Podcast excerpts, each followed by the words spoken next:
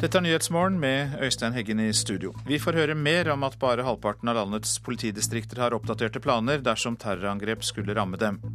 Prisveksten på boliger de siste 19 årene er den største i norsk historie, men prisfall kommer helt sikkert, advarer eksperter. Og sivilbefolkningen i Syria lider. Generalsekretær Åsne Havnelid i Norges Røde Kors kommer til Nyhetsmorgen.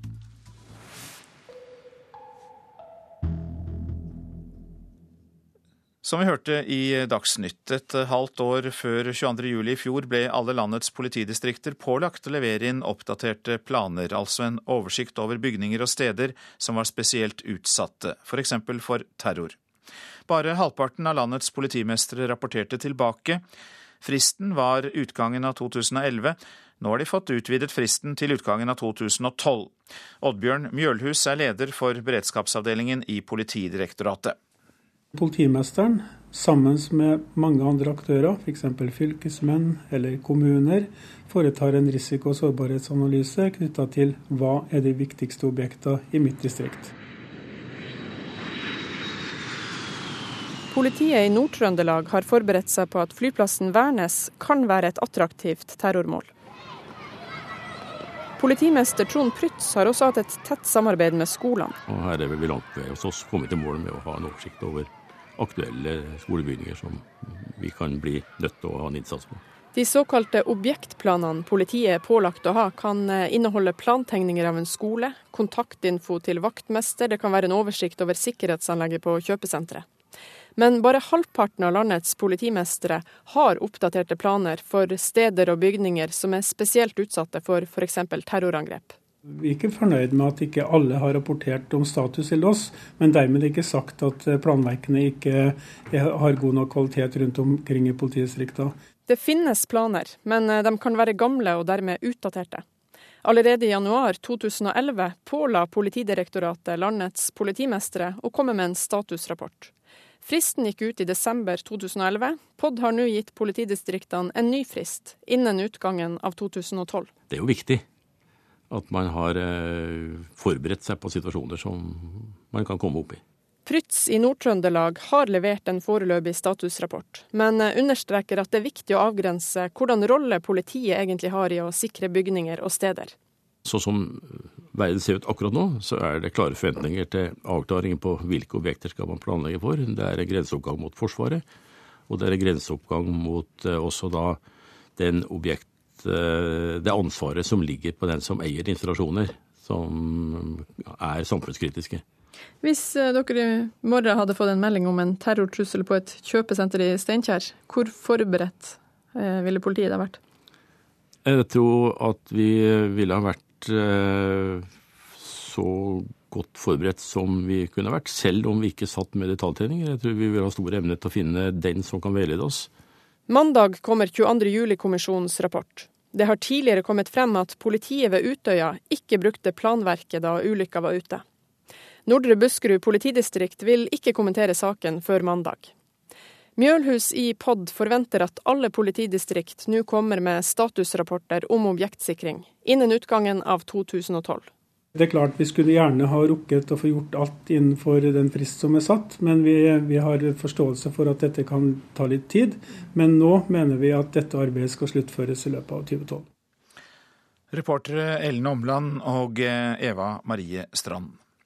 Flere ansatte i regjeringskvartalet og departementene har det tungt psykisk etter bomben 22.07. Det viser en undersøkelse som Nasjonalt kunnskapssenter om vold og traumatisk stress har gjort. Søvnproblemer, angst og terrorfrykt. Det er noen av de psykiske ettervirkningene 22.07 har fått for dem som arbeider like ved der bomba sprang. I april gjennomførte Kunnskapssenteret en undersøkelse i flere departementer. Nå er resultatene fra Kunnskapsdepartementet og Helse- og omsorgsdepartementet klare. Ifølge Dagsavisen svarte nesten 17% at de er nokså sikre på at arbeidsplassen vil bli rammet av terror igjen. I Kunnskapsdepartementet sier nesten én av tre at de er redde eller engstelige, føler seg anspent eller oppjaga. Nesten 40% sier at de har slitt med å få sove den siste uka. Dessuten mener to av tre i begge departementene at de har øvd for lite på evakuering etter terrorangrepet. Departementsråd Trond Fevolden i Kunnskapsdepartementet sier til avisa at de dramatiske hendelsene 22.07 har vært en stor påkjenning for flere, og at noen fortsatt sliter med ettervirkninger. Men at resultatene fra undersøkelsen viser at det går greit med det store flertallet. Reporter Kristine Svendsen. Norske skoler kaster vekk store summer på å gi barn spesialundervisning, det mener skoleeksperter. Mange som trenger hjelp til å lese og skrive, får hjelpen altfor sent. Dermed gir spesialundervisningen liten effekt. Det sier førstelektor ved lærerutdanningen ved Høgskolen Gerd Grimseth. Spesialundervisningen har vist seg å passe noen få, men i ca. to tredjedeler av tilfellene så blir det ikke noe bedre. Mellom 8 og 9% av norske elever får spesialundervisning. De klarer ikke å følge den vanlige klasseundervisningen fordi de har problemer med lesing og skriving. Og det er barna i de høyere klassene som får mest ekstrahjelp. Ifølge Gerd Grimseth ved lærerutdanningen i Bergen er dette i stor grad bortkastede penger. Ja, det kan du eh, si at det er. Og det er det jo en del forskere som eh, påstår at det er. Og hun får støtte fra skoleforsker Thomas Nordahl ved Høgskolen i Hedmark. Det er mange elever som ikke har noe særlig utbytte av å motta spesialundervisning. I går fortalte NRK om Nattland skole i Bergen som har klart å snu utviklingen.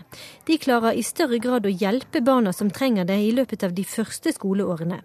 Og ifølge direktør i Utdanningsdirektoratet Dag Thomas Gisholt koster all spesialundervisningen den norske skolen dyrt. Dette er noe som eh, koster norsk skole og norske kommuner mye penger. Kunnskapsministeren på besøk i Peterdalsheia barnehage i Bergen i går. Hun sier norske skoler er på vei til å snu utviklingen. Nå har vi jo kommet et stykke på vei, fordi jeg tror tidlig innsats er et begrep på alle lærerrom og i alle samtaler mellom lærere i forhold til å støtte opp om elevene. Men likevel går det veldig sent? Det går for seint. Reporter her, det var Siri Løken. Dødsfallet i Arendal i går blir ifølge Agderposten etterforsket som et drap, og Kripos er koblet inn i saken. To menn er pågrepet, i tillegg er to kvinner som oppholdt seg sammen med den ene mannen, også da pågrepet. Reporter Øyvind Eskedal, du er på åstedet der den avdøde ble funnet. Hva mer vet du av det som skjedde? Nei, Meldingen om eh, dette dødsfallet kom i 18-tida i går. Det var en, eh, en, venn av den eh, avdøde som, som varsla politiet. Politiet kom så til åstedet og så ganske tidlig at her var det noe mistenkelig som hadde skjedd. og Det ble da satt i gang full etterforskning her. Først fra de lokale polititeknikerne fra, fra Agder. Nå er også Kripos venta her om et par timer. Det som skjer her nå, er at politivakter vokter over dette åstedet her. De har sperra et stort område rundt her. De stopper også alle biler som kjører forbi på denne skogsveien, og tar en prat med samtlige som kjører forbi her, for å kartlegge litt bevegelsene rundt området. Hva mer vet du om de som er pågrepet? Det er to menn og to kvinner. Den ene ble pågrepet på en plass som heter Stoa her i Arendal, ved et billakkeringsverksted. De tre andre ble, ble tatt på en eh, adresse i Froland, nabokommunen her. De, eh, de, to mennene og også den avdøde skal ifølge Agderposten være del av et tungt kriminelt miljø her i Arendal.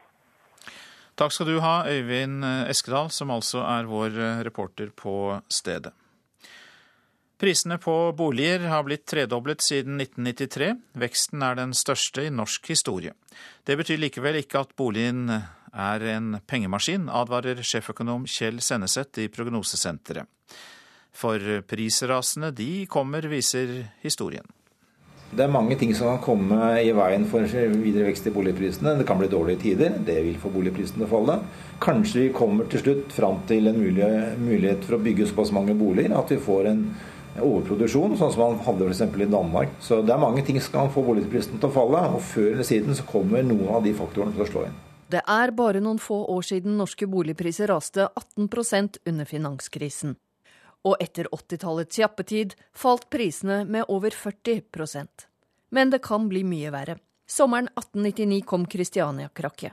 Aksje- og eiendomspriser raste, og det tok nesten 90 år før norske boligpriser igjen var på samme nivå som før krakket. Det er ikke alltid pengemaskin. Langt ifra alltid pengemaskin. Men det er en myte som har vokst frem de siste åra pga. at boligmarkedet har vært så enormt voksende. Sier professor Ola Grytten ved Norges handelshøyskole. Fra 1993 og frem til i dag har boligprisene i Norge justert for inflasjon mer enn tredoblet seg, til tross for et tilbakeslag under finanskrisen. Men det er ikke lett å spå når det skal snu. Det er lettere å se at prisnivået er høyt i forhold til hva det pleier å være. Sier sjeføkonom Harald Magnus Andreassen i meglerhuset Svedbank First Securities. Nå har vi fått litt hjelp de siste årene av eh, økt innvandring av en, en, bra økonomi i kombinasjon med lav rente. Men det realprisnivået vi har i dag, det gjør uh, iallfall meg bekymret, når jeg vet hva som har skjedd før historien i Norge og andre land. Boligprisveksten de siste 19 årene er sterkere enn noen annen prisoppgang i norsk historie. En norsk gjennomsnittsbolig koster nå seks ganger normal årsinntekt. Men sjeføkonom Kjell Senneset i Prognosesenteret er helt sikker på at prisen vil falle nok en gang. Hvis det er noe jeg er helt sikker på, så er det at boligprisene kommer til å falle igjen før eller siden. Og Jo høyere boligprisene er blitt, jo mer kommer de antagelig til å falle. og Det er skummelt for en hel økonomi når boligprisene begynner å falle. Ja, og vil du vite mer om hvordan boligprisen i Norge har endret seg gjennom 200 år, så finner du det på nrk.no. Reportere her Hedvig Bjørgum og Johan Settem. Dette er Nyhetsmorgen, og klokka den går mot kvart over sju. Vi har disse hovedsakene. Bare halvparten av landets politidistrikter har oppdaterte planer dersom terrorangrep skulle ramme dem. Boligveksten de siste 19 årene er den største i norsk historie, som vi nettopp hørte, men prisfall kommer helt sikkert, advarer eksperter. Høyre mener regjeringen gjør for lite for å hindre datakriminalitet. Det er et økende problem med identitetstyveri, hacking og dataangrep. Debatt i Politisk kvarter om en halvtime. Og vi legger til at det er full stans i all togtrafikk på Oslo S som følge av et signalproblem. I Syria har regjeringshæren drevet opprørerne ut av deler av storbyen Aleppo, men begge parter i konflikten sier at kampen om byen slett ikke er over. Samtidig frykter FN at borgerkrigen i Syria kan bli svært langvarig og dødelig for sivilbefolkningen.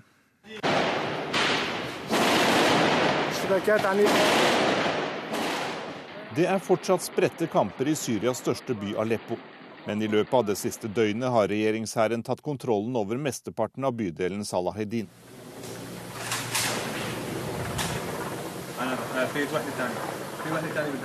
Det syriske regimet har tatt i bruk stadig flere kamphelikoptre og bombefly, i tillegg til at stridsvogner bombarderer boligområder der opprørerne står sterkt.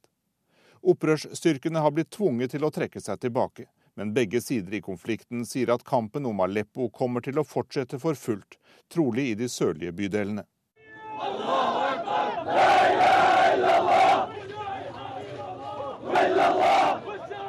Parallelt med kampene begraves de døde.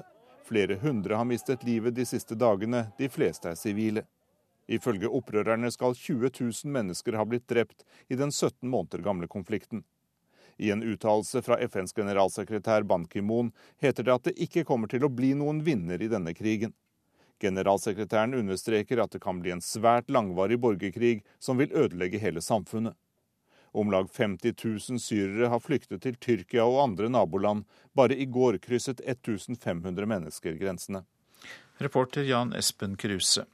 Og Generalsekretær Åsne Havnelid i Norges Røde Kors, du har kommet hit til Nyhetsmorgen. og Ut ifra de rapportene du får, hvordan vil du beskrive den humanitære situasjonen i Syria? Det er en veldig veldig vanskelig situasjon for sivilbefolkningen. I går kveld så kom Den internasjonale Røde Kors og Syrisk Røde Halvmåne inn og gjennom i Aleppo og kom inn til sentrum der med helt livsnødvendige forsyninger. Mat, vann, babymelk, medisiner. Eh, sånn at eh, det som er viktig, er at eh, Røde Kors har tilgang i hele Syria. Det er veldig veldig mange av sivilbefolkningen som er fordrevet. De trenger hjelp innenfor veldig mange områder. Vi har også nå fått inn flere mobile helseklinikker ambulanser. Sånn at vi er veldig takknemlige for at folk bryr seg om Syria fremdeles, er villige til å gi. For de vil trenge hjelp i lang, lang tid framover. Er det Aleppo det er verst nå, eller er det også andre steder der eh, dere får rapporter om eh, problemer? Altså De siste ukene nå så har det vært veldig kritisk i Aleppo. Men i store deler av, Sy av uh, Syria så er det veldig vanskelig for sivilbefolkningen. Fordi internasjonal humanitærrett, menneskerettighetene, overholdes ikke, sånn at det er sivilbefolkningen som lider. Vi ser at det er mange som kommer over grensen både til Jordan, Libanon og Tyrkia. Og Der står også Røde Kors klare til å hjelpe de. Men vi må også sørge for at de som ikke kommer seg ut, at de får den nødvendige hjelpen eh, de trenger. Og det sørger og jobber vi på spreng i Røde Kors med at de skal få. Og når humanitær rett ikke blir etterlevd, som du sier, hvordan er da arbeidsforholdene for dere og eh, søsterorganisasjonen Røde Halvmåne? Det er klart Den er eh, svært krevende. og Syrisk Røde Halvmåne de jobber jo med fare for egne liv for å yte humanitær hjelp til sivilbefolkningen. Hva kan dere bidra med i tillegg til det du har eh, nevnt? Er det ting som eh, er planlagt og som kan komme? Ja, Vi jobber jo nå intenst med å få inn enda flere mobile helseklinikker. For medisinsk utstyr er vanskelig tilgjengelig. I går fikk vi inn gjennom den internasjonale Røde Kors-bevegelsen flere kolonner med med medisinsk utstyr og mat og vann. Men vi trenger hjelp framover, så vi håper at også den norske befolkningen er villig til å bidra for Syria også framover. Mange takk for at du kom til Nyhetsmorgen, generalsekretær Åsten Havnelid i eh, Norges eh, Røde Kors. Så til OL, og der er kun gull godt nok, for det sier håndballjentene etter at de sikret seg finaleplass i går. Selvtilliten er tilbake, og de viste at de blir vanskelig å tukte i kampen om gullet. Nå skal vi fader meg ha gull. Nå skal vi bare gå hele veien. Det er ikke snakk om saken. Gull og ikke noe annet som gjelder. Nei, Når du først er i en finale, så er det selvfølgelig gull som gjelder. Er du gal? Og det har jo vært drømmen hele veien. Klar tale fra Heidi Løke, Amanda Kurtovic og Marit Malm fra Fjord.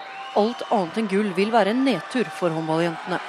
Etter en trøblete start på OL er laget endelig tilbake i god gammel form, noe sørkoreanerne fikk kjenne i går. Og Det gjør at de norske spillerne ser seg selv som favoritter i finalen, sier Kurtovic.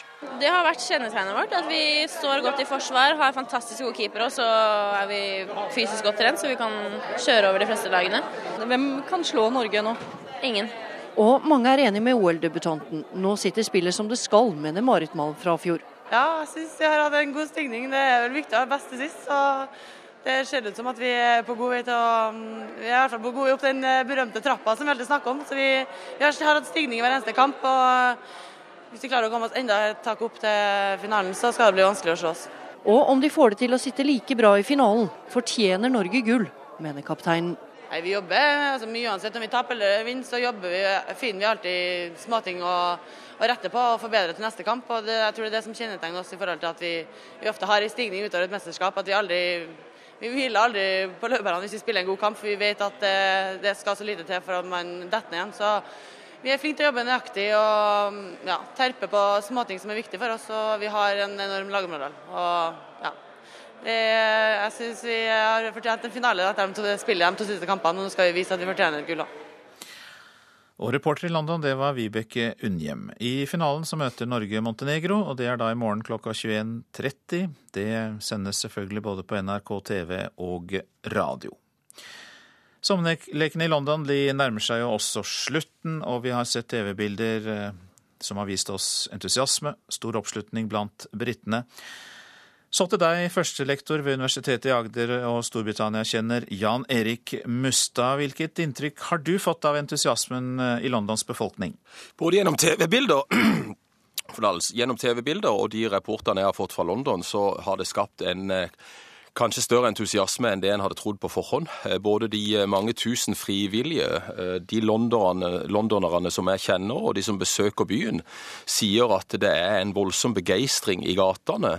Og da syns jeg OL-arrangøren har klart det de satte seg som mål, nemlig å skape en nasjonal mobilitet som da sprer glede og konkurranseånd og alt dette. Ja, Vi er vant til at britene kan virke litt distanserte, kanskje, men eh, ikke nå? Nei, det er tydelig det. Og så har vi også fått høre, fikk jeg høre i går faktisk, da jeg ble oppringt av NRK, at eh, de britiske gullmedaljevinnerne var de av gullmedaljevinnerne som grein mest da de eh, vant. Så kanskje det også er et slags sånn vekselvirkning her i forhold til den entusiasmen, og at eh, de lykkes på hjemmebane, de britiske utøverne. Så vi har et grinebarometer her også, altså? Ja, det er tydelig det. Men for å sette dette i litt perspektiv, Musta. Det er jo økonomiske nedgangstider også i Storbritannia. Og eh, disse lekene har jo kostet mer enn opprinnelig planlagt. Det skjer vel nesten alltid med OL. Har det hatt noe å si? Ja, det er jo alltid dette, denne kontrasten som, som, vi har sett flere steder i verden, og som vi nå opplever i, i Storbritannia, med dårlige økonomiske tider. Veldig mange nederst på den eh, sosiale rangstigen sliter. Eh, så har vi også sett da at et sånn type idrettsarrangement er noe som eh, gjør at man kan glemme de vanskelige tingene for en stakket stund, og, og på en måte kaste seg inn i denne eksplosjonen av av begeistring og identitet, og kjenne på en følelse av samhold, og at man er del av en nasjon, på tross av at det er vanskelig. Bare for ett år siden så brøt det ut voldsomme opptøyer i London. Da vandret jeg i de mest utarmede områdene av Tottenham. Det ga et nedslående inntrykk. Jeg vet mm. at du også har besøkt disse stedene. Mm. Hvilken virkning har eh, finanskrisen fortsatt på London? Eh, du kan si at i disse områdene her så er det skjedd lite forbedringer på det året som er gått. Nå, nå, ser vi jo helt andre bilder og får dermed helt andre inntrykk av London. Men eh, jeg tror ikke noen har glemt de forferdelige bildene vi så for et år siden. Og, og selv om politikerne med Londons borgermester Boris Johnson i spissen sier at de har sprøyta inn en masse midler, oppretta nye lærlingstillinger i disse områdene her, så vil de skjevhetene som finnes i London og andre steder i Storbritannia, det vil ta tid å, å eh, lege de eh, og eh, komme med endringer som gjør at det virkelig monner i disse områdene. Men nå ser vi altså eh, noe helt annet, og det var jo det de var redd for i fjor, at eh, sånne type opptøyer og sånne type bilder skulle komme i år. Det har det ikke gjort, og dermed så har OL-arrangøren klart å snu det og, og bruke OL til noe positivt, kanskje også for de som bor i disse områdene. Takk for den samtalen. Jan Erik Mustad, du er førstelektor ved Universitetet i Agder. Så noen ord om avisene. Etter fem år med global finanskrise har hver nordmann 325 000 kroner mer i oljefondet, får vi vite i Aftenposten. Men kontrasten er stor, for i USA Europa ellers, og i Europa flommer pengene inn eh, Vokser gjelden, mens pengene flommer inn i den norske pengebingen. Satser milliarder på bolig, skriver Dagens Næringsliv om finansmannen Tor Aksel Vollberg. Han skal bygge 870 boliger for 4 milliarder kroner i det sentrale østlandsområdet. Opp, opp, opp gjentas på VGs forside. Boligmarkedet eksploderer. 28% prisvekst på fire år.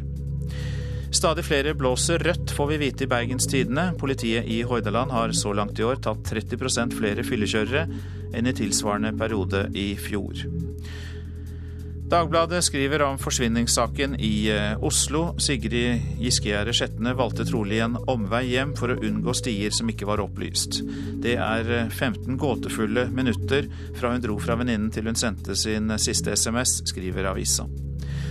Boom for frivillig innsats er oppslaget i Vårt Land. Røde Kors og Norsk Folkehjelp opplevde et kraftig oppsving etter 22.07. Og nå viser leteaksjonen i Oslo at folk også utenfor organisasjonene engasjerer seg.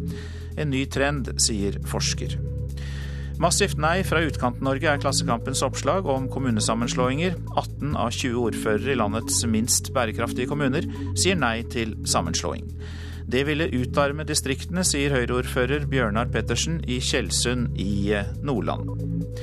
Jubeljenta tvilte på OL-spill, er oppslaget i Adresseavisen. I går ledet Gøril Snorøeggen Norge til finale i London, men 27-åringen var lenge redd for at en skulderskade skulle ødelegge OL-drømmen.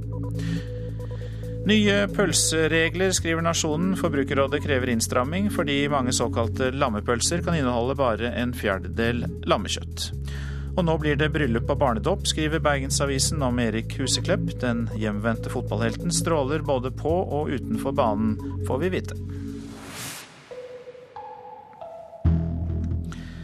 Kampen om eh, Munch-museet Lambda fortsetter. Miljøpartiet De Grønne har snudd og åpner nå for å støtte det omdiskuterte bygget. Om så skjer, mangler det kun én stemme før det er flertall i bystyret igjen for et eh, Munch-museum i Bjørvika. Den gamle mannen til den unge mannen og kvinner som står rundt, av det her tremotivet. Bystyrerepresentant for Miljøpartiet De Grønne, Harald Nissen, ser opp på Munch-maleriet 'Livet', som dekker en hel vegg i et av rommene i Oslo rådhus. Det Munch-bildet her for meg, det er liksom som det er like mye at uh, rommet, hvordan det korresponderer med, med bildet. Munch-maleriet i rådhuset henger trygt, men mye er uavklart når det gjelder resten av Munchs verker. Etter år med krangling har politikerne fortsatt ikke blitt enige om hvor de skal bygge et nytt Munch-museum som skal romme hele samlingen til den berømte kunstneren. Det eneste Oslo-politikerne er enige om, er at dagens Munch-museum på Tøyen ikke har gode nok lokaler til å ivareta nasjonalarven.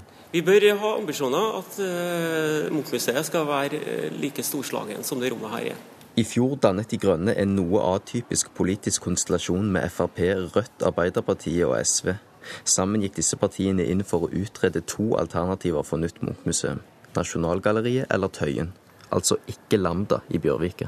Men ting har skjedd siden den gang, og nissen vil ikke lenger utelukke Lambda som et alternativ. Det primære for Miljøpartiet De Grønne i Oslo er å få på plass et Munch-museum. Hvis Lambda er det som klarer å samle et flertall, så støtter vi det. Jeg syns ikke det var en hyggelig nyhet å høre fra Miljøpartiet. Arbeiderpartiet og Frp vil ikke kommentere at De Grønne åpner for Lambda. Men Reza Reza, som sitter i bystyret for Rødt, sier klart og tydelig at han føler seg sviktet. Man burde holde seg til avtale når man går i et samarbeid med andre partier. I motsetning til Rødt liker Oslo Høyre det de nå hører fra De grønne. Jeg skriker litt av glede, fordi eh, dette viser at vi nå kan komme litt opp av skyttergravene våre og få realisert et eh, nytt eh, Munch-museum. Det er Øystein Sundelins Høyre som sammen med Venstre og KrF har kjempet en foreløpig forgjeves kamp for Lambda.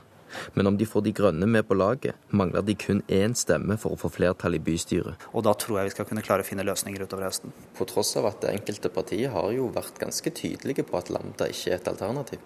Jo, og så ser vi at det ikke blir flertall for eh, noe, og da må nok alle nyorientere seg eh, for å finne en løsning for å ta vare på Munchs arv. Reporter her, det var Dario Kverme Birhane. Produsent for Nyhetsmorgen, Jean-Rik Bjørnskau. Teknisk ansvarlig Espen Hansen. Her i studio Øystein Heggen. Etter Dagsnytt om Venezuelas president Hugo Chávez, som kjemper på to fronter, både mot kreften og mot opposisjonen. Full togstans ved Oslo S, og det vil trolig ta tid å rette feilen. Ett år etter 22.07-terroren har ikke politiet oversikt over spesielt utsatte steder og bygninger og historisk prisvekst på bostader, men nedturen vil komme, advarer eksperter. God morgen, her er NRK Dagsnytt klokka er 7.30. Det er altså full stans i togtrafikken rundt Oslo sentralstasjon. I sekstida i dag tidlig fikk Jernbaneverket melding om ei kortslutning i systemet som gir rødt lys, forteller pressevakt Arvid Bårdstu i Jernbaneverket. Her står det rolig, og det betyr da at eh, tog som er på vei inn til Oslo, blir stoppa før de kommer så langt. Hva gjør dere nå for å finne feilen? Eh, nå letes det med lys og lykte for å finne den feilen. og Det er en, eh, på titusenvis av komponenter eh, som kan eh, ha det være feil med på Oslo S. Og vi får ikke eh, beveget så veldig mye på sporveksler og på og, og tvangskjørt eh, signallys. Ja, Det sa Arvid Bårdstø i Jernbaneverket, og for de passasjerene som skal ta flytog, blir det satt opp busser så fort som mulig fra Oslo S og Skøyen til Lillestrøm, men folk blir bedt om å beregne ekstra god tid for å, rekke dette. Reporter var Kent Amar Eriksen. Og reporter Thea Nesse Rabe, du er på Hauketo stasjon i Oslo, og hvordan tar de reisende der? Her på Hauketov hersker det en del forvirring grunnet at det er dårlig informasjon. Og de bussene som faktisk kommer, de er stappfulle. Jeg står her med en som er altfor sent til jobben Og, Og hva tenker du om situasjonen i dag? Nei, Det er jo bare å smøre seg med tålmodighet, men det er jo irriterende. Ehm, det er særlig når det regner. Det ikke, og det er ikke god informasjon. Så jeg vet ikke helt når jeg kommer meg på jobb, men eh, får gjøre det beste ut av det. Det er nok det som er, og det kunne kanskje vært litt bedre informasjon, for jeg tror de fleste er uvitende om at eh, togene faktisk eh, ikke går til Oslo øst og Skøyen. Takk skal du ha, reporter Tianes Rabe. Det er altså bare å smøre seg med tålmod for de som må rekke toget. Halvparten av politidistriktene mangler oppdaterte oversikter over bygninger og steder som er spesielt utsatte for t.d. terrorangrep. Alle politidistriktene ble pålagt å sende inn statusrapport innen utgangen av 2011, men nå har de fått utvida fristen til utgangen av 2012.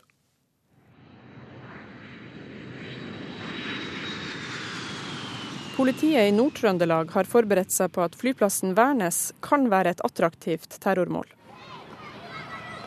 Politimester Trond Prytz har også hatt et tett samarbeid med skolene. Og her er vi langt ved hos oss kommet til mål med å ha en oversikt over aktuelle skolebygninger som vi kan bli nødt til å ha en innsats på.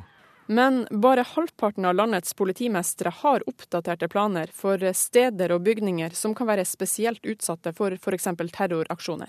Vi har fått en statusrapport for, fra ca. halvparten av politidistriktene. Det sier leder for beredskapsavdelinga i Politidirektoratet, Oddbjørn Mjølhus. Vi er ikke fornøyd med at ikke alle har rapportert om status til oss, men dermed ikke sagt at planverkene ikke har god nok kvalitet rundt omkring i politidistriktene. Det finnes planer, men de kan være gamle og dermed utdaterte. Allerede i januar 2011 påla Politidirektoratet landets politimestere å komme med en statusrapport. Fristen gikk ut i desember 2011. POD har nå gitt politidistriktene en ny frist, innen utgangen av 2012. Det er klart Vi skulle gjerne ha rukket å få gjort alt innenfor den frist som er satt, men vi, vi, har forståelse for at dette kan ta litt tid. Men nå mener vi at dette arbeidet skal sluttføres i løpet av 2012. Reportere her var Ellen Omland og Eva Marie Strand. Fra 1993 til i dag har boligprisene her i landet mer enn tredobla seg. Prisveksten i denne perioden er den største i norsk historie. Det betyr likevel ikke at bosteder er ei pengemaskin, advarer professor i økonomisk historie Ola Grytten ved Norges handelshøgskole. For prisraser de vil komme, det viser historia. Det er ikke alltid pengemaskin. Langt ifra alltid pengemaskin. Men det er en myte som har vokst frem de siste åra pga. at boligmarkedet har vært så enormt voksende.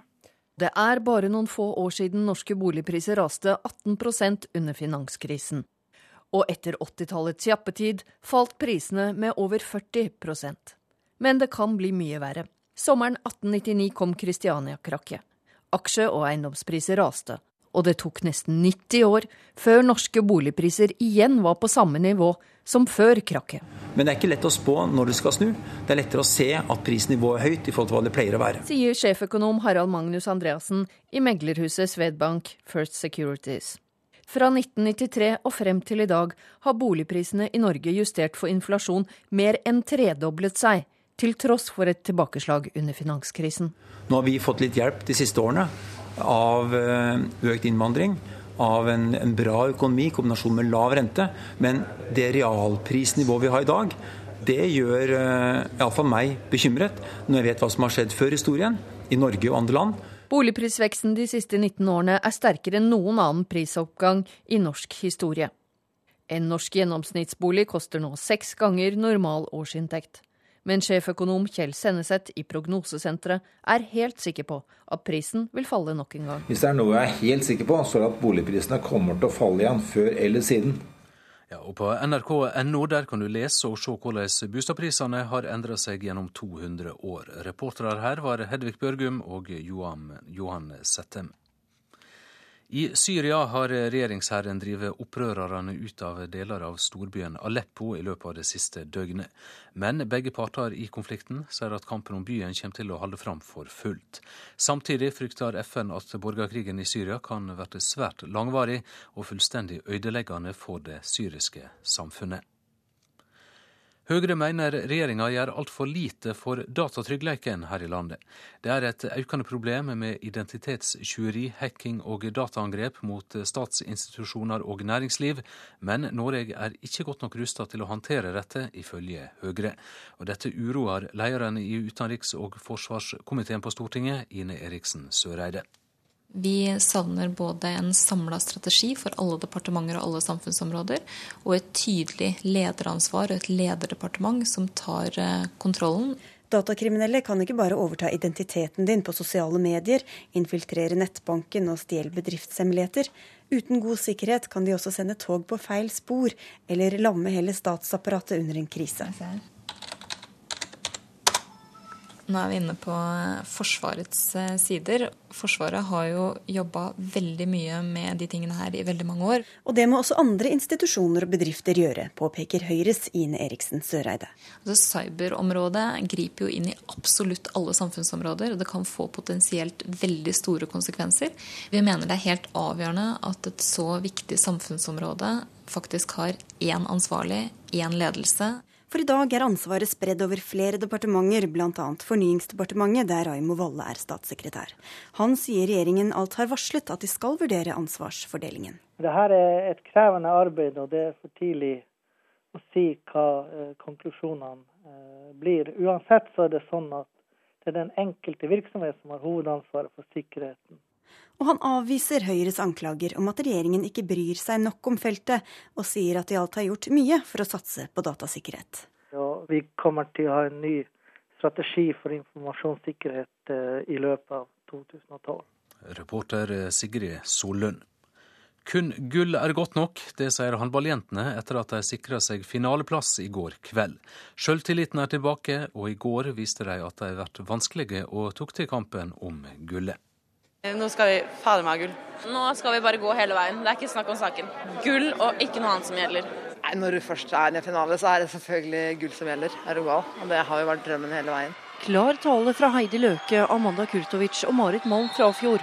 Alt annet enn gull vil være en nedtur for håndballjentene. Etter en trøblete start på OL er laget endelig tilbake i god gammel form, noe sørkoreanerne fikk kjenne i går. Og Det gjør at de norske spillerne ser seg selv som favoritter i finalen, sier Kurtovic. Det har vært kjennetegnet vårt, at vi står godt i forsvar, har fantastisk gode keepere, og så er vi fysisk godt trent, så vi kan kjøre over de fleste lagene. Hvem kan slå Norge nå? Ingen. Og mange er enig med OL-debutanten. Nå sitter spillet som det skal, mener Marit Malm fra fjor. Det ser ut som at vi er på god vei til å Vi er i hvert fall på god vei opp den berømte trappa som vi alltid snakker om. Så vi, vi har hatt stigning i hver eneste kamp. og Hvis vi klarer å komme oss enda et tak opp til finalen, så skal det bli vanskelig å slå oss. Og om de får det til å sitte like bra i finalen, fortjener Norge gull, mener kapteinen. Jeg syns vi har fortjent en finale etter de spiller de to siste kampene. og Nå skal vi vise at vi fortjener gull gull. Og I finalen møter Norge Montenegro, og den kampen kan du høre på NRK P1 eller se på NRK1 i morgen klokka 21.30. Reporter her var Vibeke Unnhjem. Ansvarlig for denne dagsnyttsendinga Ane Gjørem, teknisk ansvarlig Espen Hansen, og i studio Odd Christian Dale.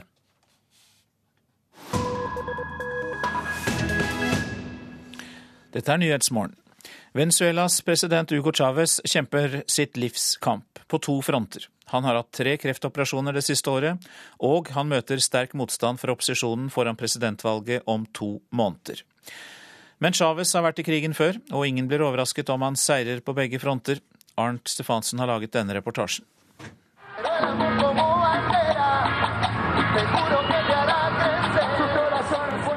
Det er valgmøte i Venezuelas hovedstad Caracas, og titusener av mennesker danser i gatene. På scenen står en kraftig mann i rød alpelue og blå jakke og gjør et forsøk på å spille elektrisk gitar. Hugo Chávez nekter seg ingenting, og opptrer gjerne som klovn.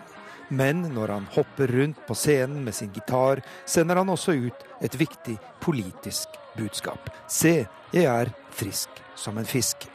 For etter tre kreftoperasjoner det siste året er presidentens helse et av de viktigste spørsmål foran presidentvalget den 7. oktober. På valgmøtet får han støtte fra et land han ellers ynder å skjelle ut.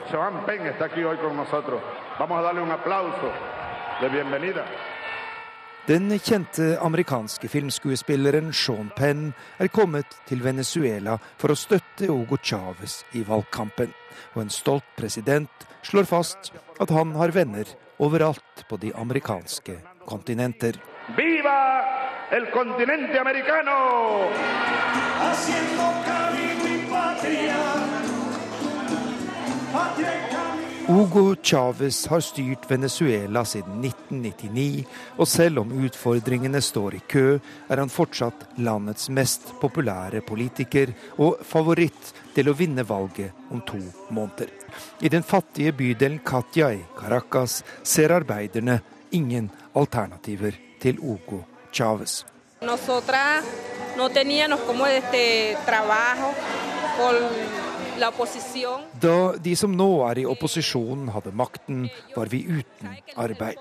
Høyresiden i dette landet har aldri likt de fattige. For dem er vi ingenting, sier tekstilarbeideren Luisa Nuña. Kanskje har Chávez gjort enkelte feil, men han er den beste lederen vi har hatt, og jeg vil ikke for mitt bare liv ha høyresiden tilbake i regjering, sier hun.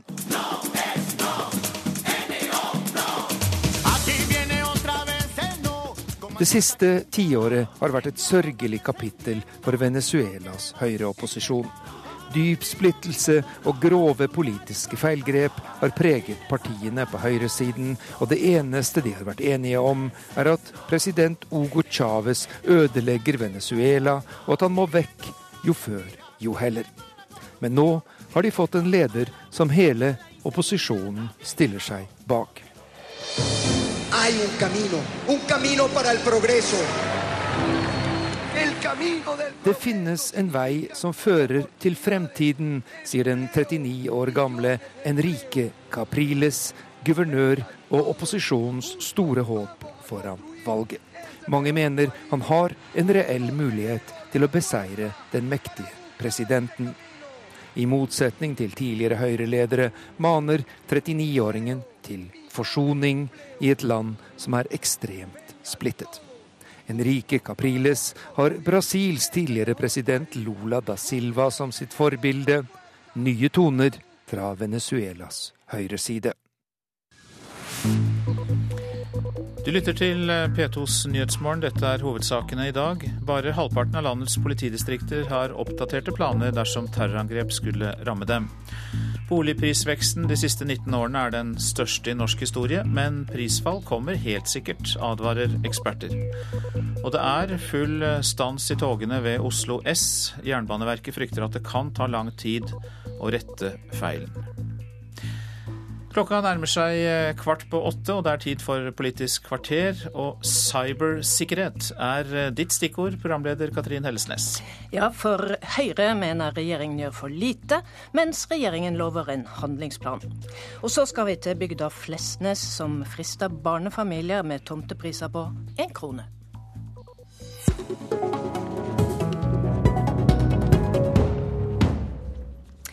Ja, Som vi har hørt i Dagsnytt i dag, så mener altså Høyre at regjeringen gjør altfor lite for cybersikkerhet i Norge.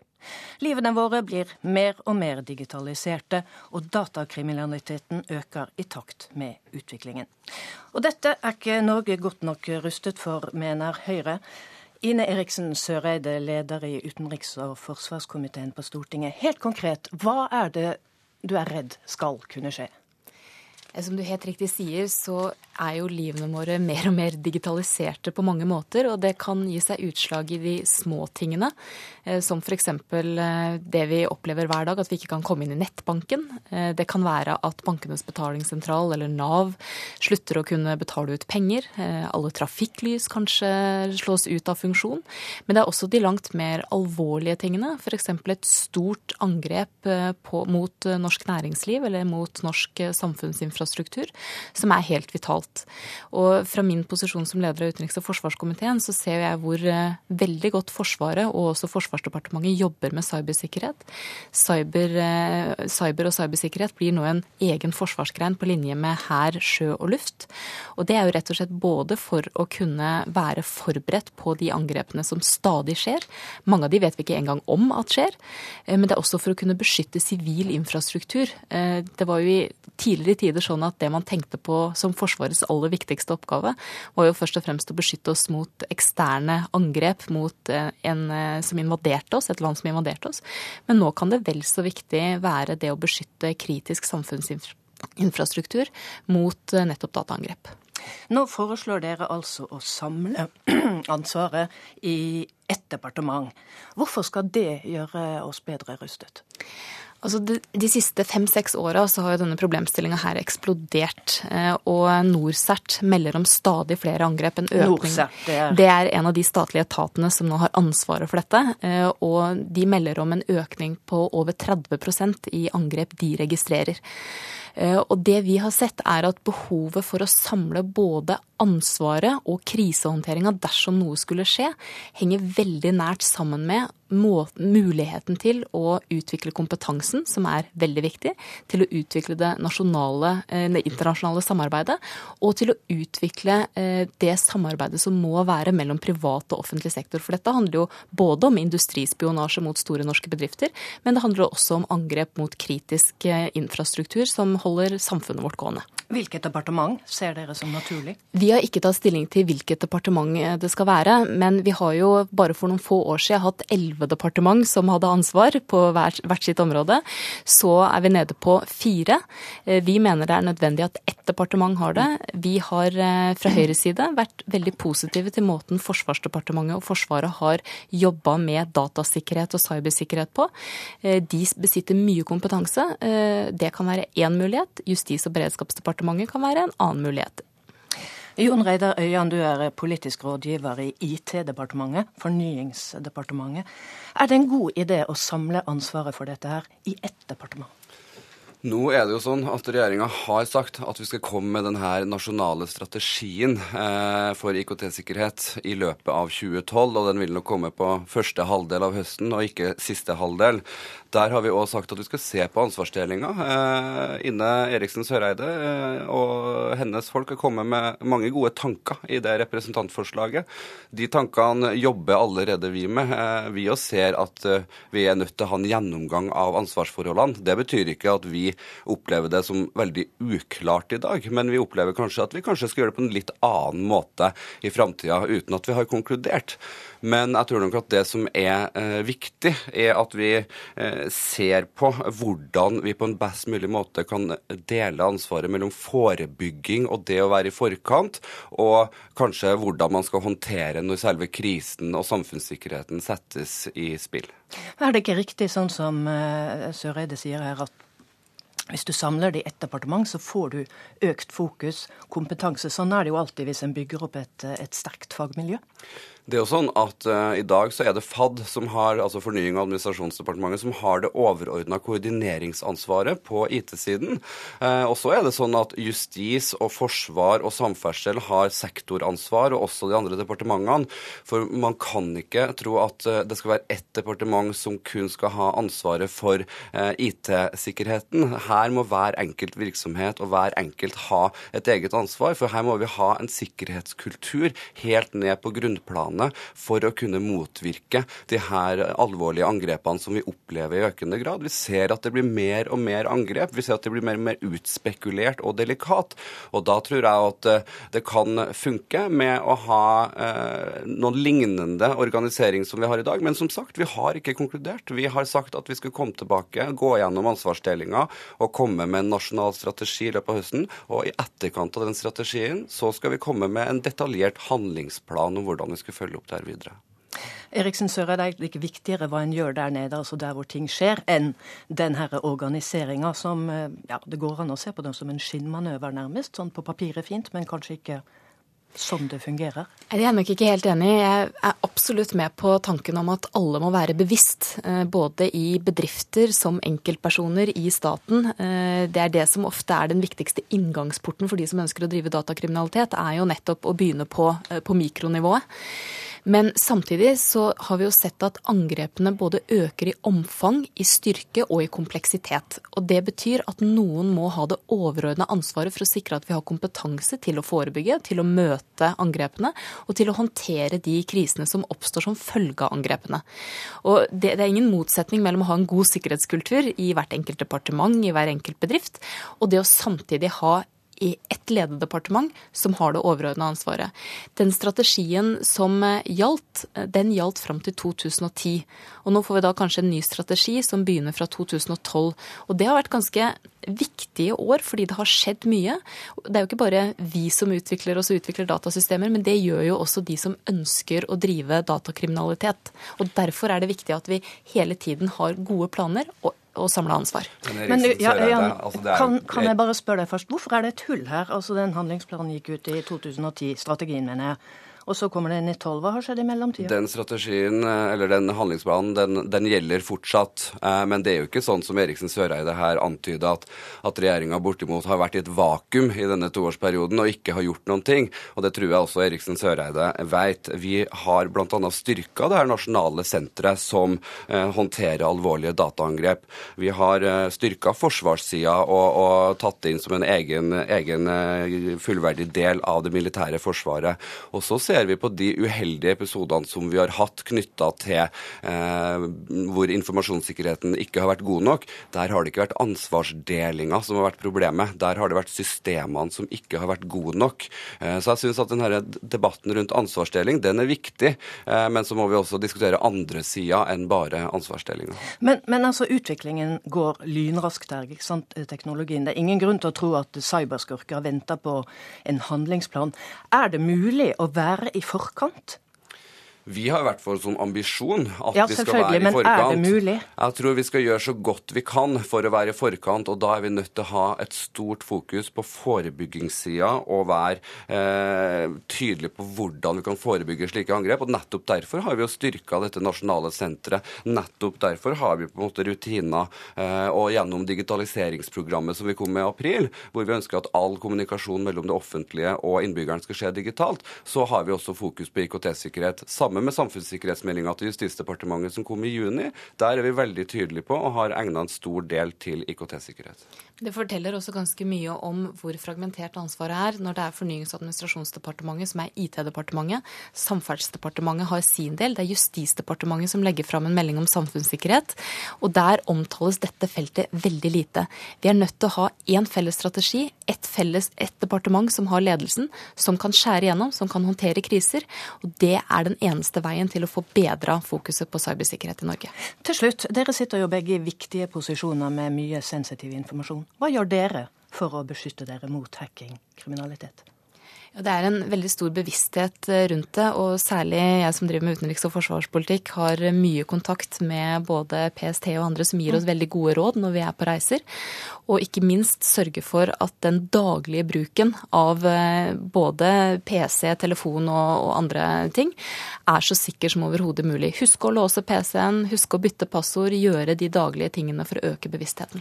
Og enig i alt Eriksen Søreide sier der, men også det å, å, være forsiktig med bruk av skykjenester foreløpig, fordi man vet ikke hvor sikkert det er å lagre ting oppi cloud-skyen der. Eh, så jeg tror man må, må tenke seg om før man legger ting offentlig ute. Det var altså råd fra Ine Eriksen Søreide fra Høyre og Jon Reidar Øyan, som er politisk rådgiver i Fornyingsdepartementet. Takk for at dere kom.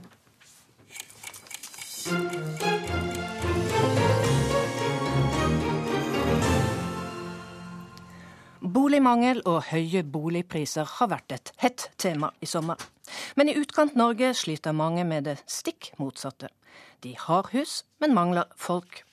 På festivalen Flesnes i Fest, som går av stabelen i Kvæfjord i Troms i helgen, handler det først og fremst om å gjøre seg attraktiv for småbarnsfamilier. Mer enn halvparten av de 70 innbyggerne er over 60 år, og målet er å få familier med barn til å flytte til bygda. Det er også ønskedrømmen til åtte år gamle Adrian Larsen Nikolaisen. Få nye venner, lage gruppe f.eks. Sånn at det blir artigere å leke. Vi har jo ikke så mange elever. Så blir det artigere å spille, sånn at vi kan lage f.eks. et fotballag. På Adrians skole er det 18 elever, og fra i år har de også fått heltidsbarnehage. En av ildsjelene bak tusenvis av dugnadstimer er Birger Holand. Han jobber for at flere skal gjøre som han. Drømmen var jo å overta farskap. Man måtte jo finne seg ei kjerring som var villig til å, til å være med. Du for ut, ut, av bygda for å finne deg kjerring, og så kom tilbake? Ja, det var planen. Og jeg lyktes jo ganske godt med han. Det må jeg si.